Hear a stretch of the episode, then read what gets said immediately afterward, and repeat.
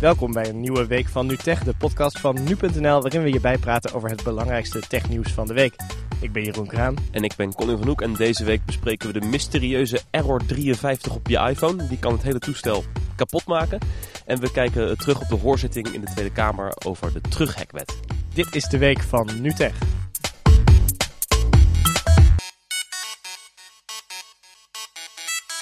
Error 53, je zou misschien uh, niet denken dat dat heel ernstig klinkt. Het klinkt meer gewoon als iets wat je één keer op je telefoon te zien krijgt. Dan druk je op, oké, dit is blijkbaar Klinkt een beetje als Area 51. Ja, maar je denkt misschien, goh, een foutmelding. We drukken op oké en we proberen het nog een keer. Maar dit is toch wel een stapje verder. Het is, uh, als je die error krijgt, dan kan je niks meer. En, en dit, dan is uh, het gebeurt kapot. op de iPhone 6? Ja, ik denk ook op de iPhone 6S, maar dat weten we niet zeker. Er zijn in ieder geval berichten over de iPhone 6. En het komt erop neer dat als je hem laat repareren bij een niet-Apple-reparateur dat die error dan kan optreden. En het gaat er dus om dat als jij iets laat vervangen wat te maken heeft met je thuisknop, waar de Touch ID in zit, dat Apple dan kan zeggen, oké, je telefoon is onveilig, want er is iets mee gedaan en wij weten niet wat. Dus dan gooi je weer een error 53 op.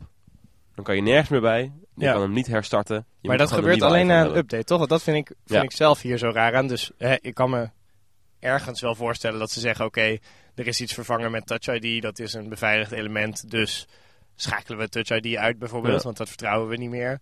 Of, hè, want eh, de, die, die Touch ID, je vingerafdruk staat ergens beveiligd opgeslagen op je telefoon. Misschien als er een, een, een onderdeel wordt vervangen dat Apple denkt, nou, we, we weten niet meer zeker hoe veilig het is, dus schakelen we het helemaal uit. Mhm. Ehm, maar in plaats daarvan de, gebeurt dat niet, maar pas na een software-update van, van iOS het verhaal wordt dan de hele telefoon uitgeschakeld. Ja, het verhaal is dat daar een controle in zit in die update. Als je update dat dan een controle wordt uitgevoerd of alles nog goed werkt. En dan zouden ze er dus achter komen ehm, dat het mis is. Maar het is allemaal heel vaag, want Apple heeft wel toegegeven dat het bestaat en dat het gebeurt. En adviseren natuurlijk sowieso altijd om bij Apple te laten repareren. Hè, dat begrijp ik ook wel. Um, maar voor de rest moeten we het alleen maar doen met verhalen van consumenten en van uh, zo'n site iFixit. Die halen alle toestellen uit elkaar, bekijken de, de binnenkant. Die hebben dit ook uh, geprobeerd en die hebben er ook het over gezegd. Maar we weten Apple heeft niet officieel gezegd hoe het nou precies zit. Dus het is een beetje gissen waardoor het nou komt dat het bij een update pas naar voren komt. Nee, want we weten volgens mij ook niet precies. Um, volgens mij sowieso als, als gewoon normale iPhone gebruiker kan je niet weten als je je toestel ergens laat repareren of dit gaat gebeuren. Zeg maar. Je weet niet of een reparateur zeg maar, de, de know-how heeft om dit te voorkomen. Of, of gewoon een of andere... Uh... Nee, het, het, het, gebeurt niet altijd. En uh, we zijn ook gebeld uh, bij nu.nl door een boze meneer die ook reparateur was. En die zei dat het alleen maar door de cowboys van de sector gebeurde. Dus die ja. maken iets kapot. Die, dus een speciaal draadje wat je Touch ID verbindt met, met andere uh, elektronica. En als dat kapot gemaakt wordt of beschadigd raakt, dan zou het gebeuren. En dat zou bij een normale reparatie niet gebeuren. Maar ja, hoe weet je als consument nee, dat een... als jij een winkel binnenstapt, weet jij niet of dat van een, door een cowboy wordt dus gerund. Of, het is een eh, risico. Uh, um, maar ja, het is natuurlijk belachelijk. Ja. Dat, bedoel, als er echt iets kapot is, dan kan me een voorstellen. Maar dan zou Apple gewoon moeten zeggen, oké, okay, geven een waarschuwing. Kom naar ons toe en we fixen het. Maar dat, want Apple is ook niet coulant geweest dat ze zeggen van nou, oké, je toestel is kapot, maar we laten het onder garantie vallen of zo. Het is echt gewoon, jij hebt je toestel naar een onbekende reparateur gebracht, het is jouw schuld, je toestel, hij werkt gewoon niet meer, ja. koop maar een nieuwe. Dat is, een, dat is wat, er, uh, ja. wat de situatie nu is. Tamelijk bizar. En dat is natuurlijk heel bizar, want Apple zegt gewoon, oké, kom maar bij ons repareren en anders dan heb je pech. Um, terwijl er ook gecertificeerde reparatiebedrijven zijn, uh, waarbij dit ook kan gebeuren volgens mij. Ja. Dus ja, het is een heel raar verhaal. En ze zijn er ook door aange uh, voor aangeklaagd inmiddels. Uh, in de Verenigde Staten is een rechtszaak gestart om ja, te eisen dat ze hier wat normaler mee omgaan. Nee, ja. En het rare is natuurlijk ook dus dat dit bij de iPhone 5S, die ook al wel een uh, vingerafdrukscanner had, niet gebeurt. Nee. Dus er is echt iets later ingebouwd. Waar, uh, dus het is bewust ingebouwd, lijkt ja. het. Het is niet iets wat er... Uh... En als Apple nou met een goed verhaal komt, hè, want wat jij zelf ook al zei, het kan best een hele goede reden zijn dat, dat het gebeurt. Omdat ze zeggen het is niet meer veilig. Maar dan zou je ook kunnen zeggen, oké, okay, dan geven we die melding weer.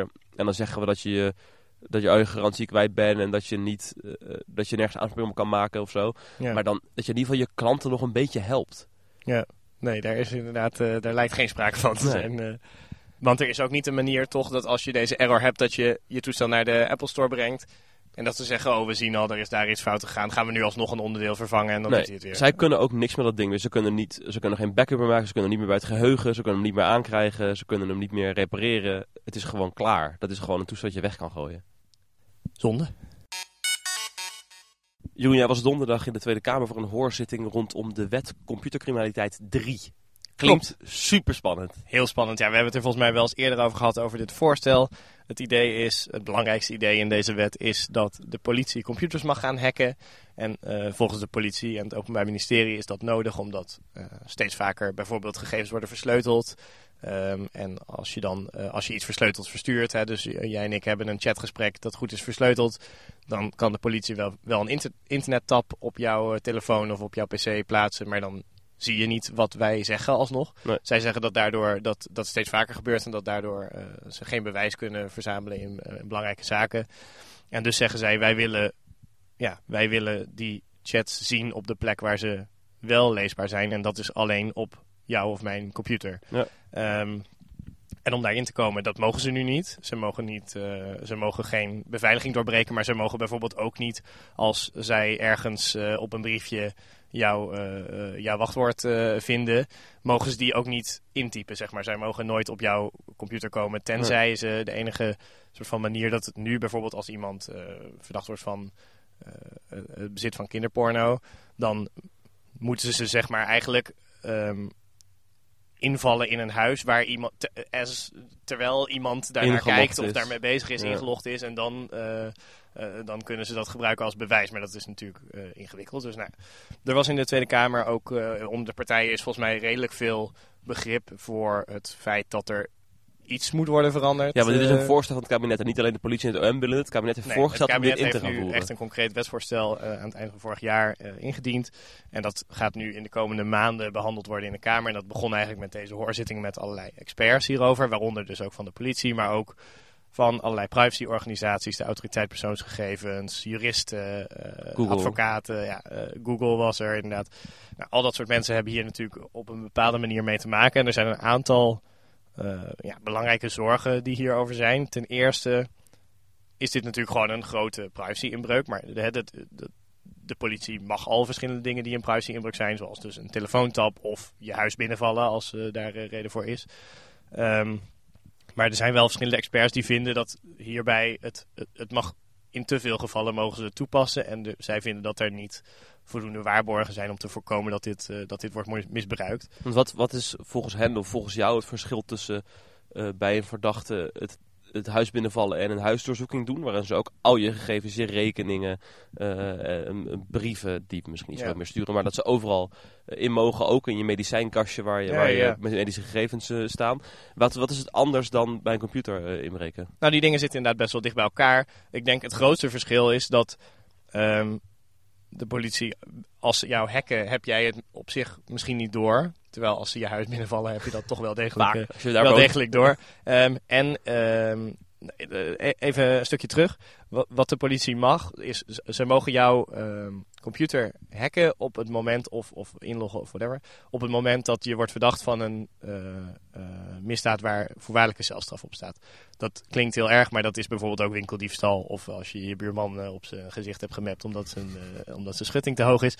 zoals een, een advocaat het gisteren kleurrijk omschreef dan mag dat ook al. Dus dat, dat is op zich best wel vaak. Maar als de, uh, de politie echt gegevens wil aftappen of kopiëren van jouw computer naar een eigen server, of als ze gegevens ontoegankelijk willen maken, dat mogen ze ook. Bijvoorbeeld in kinderporno gevallen, als er belang bij is dat die gegevens gewoon meteen worden geblokkeerd, zeg maar, mm -hmm. voor de gebruiker.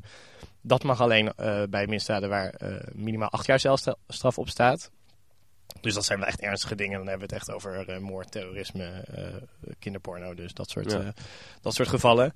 Ja, in dat soort ernstige gevallen dus krijgt de politie ook de bevoegdheid om constant jouw computer in jouw computer te zitten, alles af te tappen, alles te bekijken wat je doet. En dat is natuurlijk bij een huiszoeking niet zo. Ze, ze mogen één keer je huis in nee, zoeken, wegwezen. Het ze mogen niet camera's zoeken. ophangen in je huis exact. om te kijken wat jij de hele tijd doet. Dat, dat, ja. dat mag gewoon echt niet. Dus het is niet alleen maar inbreken in de computer om er gegevens af te halen, maar het is ook het bijhouden van alle communicatie die er via die laptop of telefoon ja. of wat dan ook gebeurt vanaf dat moment. Ja, en daar zijn verschillende mensen heel bezorgd over. De politie zegt... Um, wij vinden dit juist een heel nauwkeurig middel, want wij kunnen in een computer heel precies weten waar we naar op zoek zijn. Hè. We, we, we, weten dat je, we verdenken je van uh, het hebben van kinderporno. Dus dan gaan we echt alleen daar naar op zoek. We gaan we niet uh, ook nog eens even kijken wat je aan het mailen bent. En ook nog eens even je bankrekening Nee, maar aan, de andere kant, je mailt misschien ook kinderporno. En, en ja, je mailt misschien ook met een, een onschuldige buurman, vriend of, of moeder. Ja, en dat is dus de kritiek hierop ook. De, dat uh, er is niet echt een garantie dat de politie niet gewoon eens even lekker gaat zitten zoeken. Eigenlijk de enige garantie die er is, is hoe het intern is geregeld in de politie. Is dat het opsporingsteam of de, de mensen die zo'n onderzoek doen naar verdachten, die zit, doen niet zelf dit onderzoek, maar die geven het door aan een speciaal team van de politie. Dus die moeten heel specifiek een opdracht geven aan iemand van dit is wat we zoeken, dit is het enige wat we zoeken.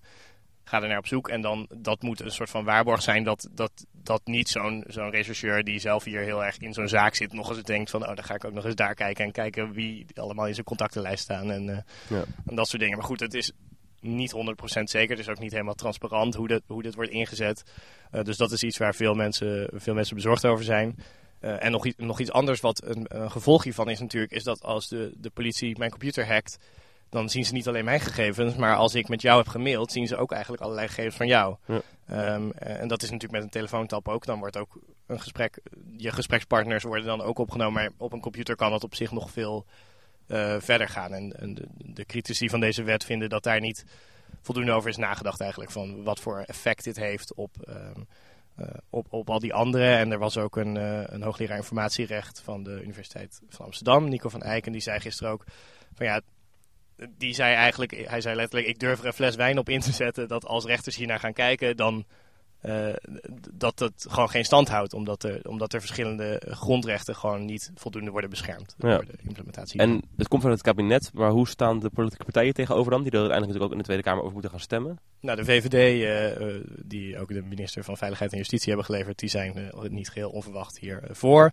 Het CDA leek ook erg positief. Die ehm, wilde zelfs het decryptiebevel dat is er ooit uitgesloopt uit deze wet. Hè. Dat, dat was een, een, een, middel waarbij verdachten zouden kunnen worden verplicht om wachtwoorden over te, te overhandigen. Als zij bijvoorbeeld uh, versleutelde gegevens hebben waarvan de politie verdacht dat er kinderpornofoto's in zaten. Dan kon zo'n verdachte worden verplicht om dat wachtwoord te overhandigen. En als ze dat niet deden, dan konden ze alleen al daarvoor uh, de bak in gaan. Ja, en dat is eruit gehaald omdat natuurlijk je hoeft in Nederland en heel veel rechtsstaten uh, niet mee te werken in je eigen veroordeling. Ja, precies. Ja. Dat heet het nemo tenetur principe. Dat is soort van de, uh, ja, dat is een, een, ook een grondrecht, iets wat al heel lang in, in, in, in de wet vaststaat. Inderdaad, je hoeft niet mee te werken in je eigen ver, veroordeling en dus hoef je ook niet vrijwillig dat soort bewijs. kan je niet onder druk worden gezet om dat soort bewijs te overhandigen. Zeg maar. Ja. maar. het CDA wilde, maar het CDA wilde dat er dus weer terug in hebben. Toen zei iedereen daar ook van, oh, rustig aan. Er is een reden dat dat eruit is geschrapt, maar daar leken ze niet, uh, uh, dat uh, leken ze niet zich heel veel zorgen over te maken. Verder is er wel aardig wat kritiek. D66 is altijd heel kritisch op dit soort voorstellen. maar bijvoorbeeld ook de PvdA, natuurlijk ook een coalitiepartner, die, ja, die, die hadden toch ook wel kritische vragen. Het is niet helemaal, het is niet alsof nu al vaststaat hoe ze daarop uh, uh, gaan stemmen. Maar ik kan me voorstellen dat vanuit PvdA nog wel bijvoorbeeld uh, ook wel wat druk zou worden gezet om bijvoorbeeld meer toezicht hierop ja. in te voeren. En dat is ook iets wat gisteren Jacob Koonstam, de voorzitter van de Autoriteit Persoonsgegevens, die kwam eigenlijk vooral, heb ik het idee, naar deze hoorzitting om te zeggen wij vinden dat hier onafhankelijk toezicht op moet zijn op deze bevoegdheid. Het gaat zo ver, uh, en hij zei ook van, we vinden eigenlijk dat het minder ver moet zijn, dat het minder vaak mag worden ingezet. Maar als het dan al wordt ingezet, dan vinden wij ook dat er onafhankelijk moet worden gekeken naar hoe dat gebeurt. Zoals je nu uh, de IVD en de MIVD, de inlichtingendiensten, die hebben een speciale commissie, CTIVD, die houdt gewoon in de gaten wat die diensten doen. Dat is hun enige taak, dat is een onafhankelijke partij, die krijgt toegang tot alles wat zij doen en die kunnen daar dan vervolgens uh, publiekelijk of naar de minister rapporten over sturen. Um, en uh, ja, Koonstam zei dat moet voor deze bevoegdheid ook. De politie moet dat ook krijgen. Um, en hij bood ook heel genereus aan dat zijn eigen organisatie dat wel op zich wilde nemen. Uh, dat was uh, totaal geen eigen belang ook natuurlijk. Nee, um, nee maar dus, dus uh, dat is nog wel... Er waren best wel veel sprekers gisteren die dat aanraden. En dat vond ik zelf redelijk verrassend. Want er was voor de behandeling van dit wetsvoorstel niet super veel sprake van. Dat er, de, de, er was wel eens iets geroepen, bijvoorbeeld door Bits of Freedom. Uh, de digitale burgerrechtenbeweging die, die is altijd heel kritisch op dit soort dingen. Die ja, hadden precies. dat ook al wel eens gezegd. Maar er waren nu echt best wel veel mensen die zeiden van... nou, we moeten echt eens goed kijken naar hoe dat toezicht dan... Uh, er zou bijvoorbeeld nog kunnen dat die wet er inderdaad wel doorkomt... maar dat er een, dat er een extra onafhankelijk toezicht wordt, wordt toegevoegd. Ja, maar een officier van justitie van het OM, die maakt op zich wel weer het goede punt dat het best wel raar is om, uh, een hele, om, om, toezicht alleen maar op te zetten voor, voor deze bevoegdheid. Eigenlijk zou het veel logischer zijn om een toezichthouder te hebben die dan op alle bijzondere, de inzet van alle bijzondere middelen, zoals dus ook telefoontaps en misschien ook wel huiszoekingen, dat je één orgaan hebt dat dat allemaal in de gaten houdt. En dat was, hij zei eigenlijk van ja, ik vind het een beetje gek om dat soort van, om, om voor de wetgever om dat aan deze wet zoiets te hangen van uh, we gaan dit in de gaten houden, terwijl al die andere dingen niet zulk toezicht hebben. Dus dat is, nou, ik, ik weet niet of er echt animo is om helemaal een nieuwe organisatie op te richten die dat allemaal in de gaten gaat houden, maar dat is op zich wel, vond ik wel, vond ik wel een aardig punt. En wat zijn de volgende stappen hierin? Is wanneer, wanneer komt er een, een Tweede Kamer debat echt over? Volgens mij staat daar de datum nog niet uh, van vast, maar dat zal denk ik uh, ja, in de lente zijn. Ehm, en het is ook een beetje een aanloop, eh, de, de behandeling van dit uh, wetsvoorstel is een beetje een aanloop ook naar de behandeling van de nieuwe wet op de inlichting en veiligheidsdiensten. Een ander belangrijk wetsvoorstel van, de, van dit kabinet. En die dus de IVD en de MIVD meer macht zou geven, meer bevoegdheden.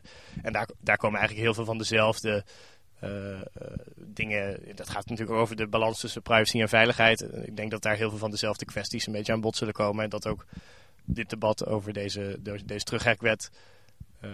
een belangrijke eh, schets zal geven van hoe die partijen er allemaal in staan. En hoe dan, dat, ik denk dat als met overweldigende meerderheid deze terughekwet wordt aangenomen, dat dan die, die WIF, eh, de, de inlichtingenwet, er ook wel doorheen zal komen, zeg maar. Omdat het uiteindelijk op een bepaalde manier over hetzelfde gaat. Waarom heet het de terughekwet? Want het gaat ook over het hacken van mensen die zelf niet iets gehackt hebben. Ja, klopt. Dat, maar dat is, uh, dat, is, uh, dat is ook een punt van kritiek. Dat is eigenlijk iets recents. Want de, de wet heet ook de wet computercriminaliteit. En die bevoegdheid is eigenlijk in eerste instantie werd ingevoerd om, om, om cybercrime te bestrijden. de politie zei bijvoorbeeld, mensen hebben allerlei botnets die schadelijke software verspreiden. Um, ja, die kunnen wij eigenlijk niet plat krijgen als wij niet hun servers mogen hacken en daar gewoon de, de stekker er eh, virtueel uit kunnen trekken, zeg maar. Uh, want vaak weet je niet precies waar die dingen staan. Dat is ook nog een, een controversieel punt in deze wet, is dat zij, als zij niet weten waar een server is, mogen ze hem hacken. Terwijl uh, ja, in, internationaal recht, zeg maar, als een server in het buitenland staat, moet je eigenlijk dat vragen aan dat land om, ja. om, om je te helpen. Dus het was eigenlijk een soort cybercrime-wet, maar dus nu is het breder geworden. En dat ja. is ook een van de punten van kritiek. Dus van, ze mogen dit in allerlei zaken gaan, gaan inzetten. Um, en niet alleen, niet alleen voor cybercrime. Maar daarom heet het eigenlijk de terughekwet. Het is dus het idee dat je hackers als politie kan terughacken. Maar, maar oké, even conclusie. En, en, vertel me vooral als het niet klopt, want jij bent erbij geweest. Ik heb idee dat er heel veel kritiek is. Maar dat dus, nou, je zegt het net zelf, VVD en CDA zijn wel redelijk positief. PvdA is nog wel terughoudend. Maar met aanpassingen kan ik me zo voorstellen als coalitiegenoot dat die ook wel voorgaan. En dan zou het er dus wel gewoon in misschien een andere vorm doorheen kunnen komen. Ja, ik, dat is de meerderheid.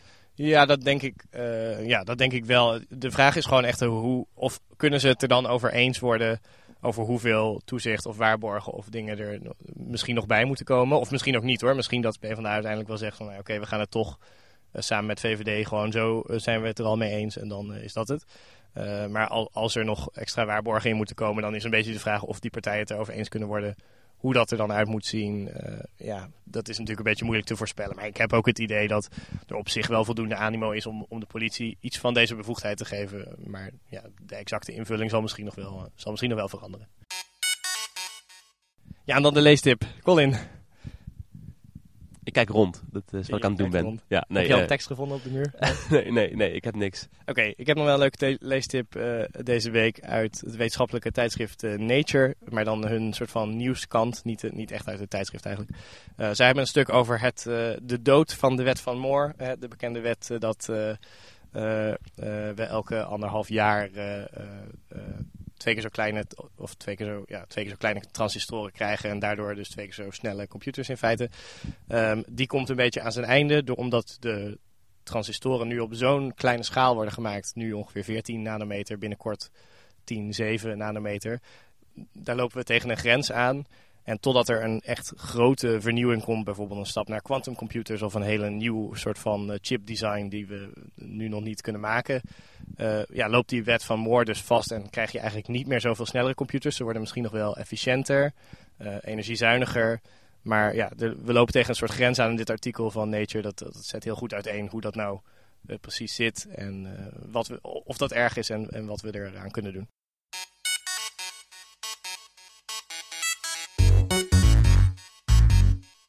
En daarmee zijn we aan het einde gekomen van deze week van Utrecht. Volgende week zijn we natuurlijk weer terug. Ik denk misschien dat we dan wel een vooruitblikje op MWC gaan doen. Mobile World Congress in Barcelona. Zeker. Dat, dat gaat de week daarna uh, plaatsvinden. Voor nu kan je ons blijven volgen via nu.nl en alle social media kanalen die we al heel vaak hier opgenoemd hebben. En volgende week zijn we weer terug. Tot dan. Dag.